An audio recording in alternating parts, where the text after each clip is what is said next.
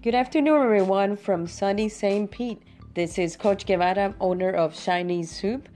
Today, in episode 4, I'm going to give you a basketball tip. I'm going to try to give you a, a tip on a daily base.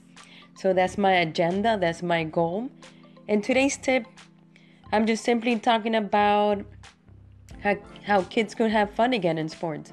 Because, as we all know, kids no longer have fun in sports due to the pressure from parents, from coaches, from teachers. So they don't have the ability to have fun anymore. It's work to them. It should be fun, not work. Just to elaborate a little bit on that, you know, I've been coaching more than five years, organized sports in my old high school in Miami. I did that for three years. I coached the JV uh, girls team, and I was the head coach and also I coached at um, I9 Sports. And I do my own private uh, basketball sessions. Now I'm currently working at a YMCA as a site supervisor for the girls program. So I know a little bit about organized and street basketball. And I um, I also myself played um, organized basketball in middle school and in high school. So I noticed throughout the years that kids no longer have fun because it's more work, it's stress, it's pressure.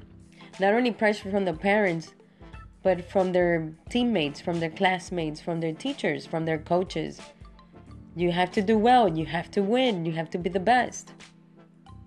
But my tip and advice for all parents, mind you, I'm not a parent myself, but I've been I've been a coach for a long time and you know you study parents and you study teachers and coaches. So one tip i could give you just let your kids be them be themselves. Let them pick their sports that they're into. Try to push them not that's the wrong word to use not push but try to try for them to join all the sports they can join like the sports they like also obviously the sports they love but try to enroll them to sports that they like. They they see interest interested in they think it's cool it's fun it's a good sport to meet new friends.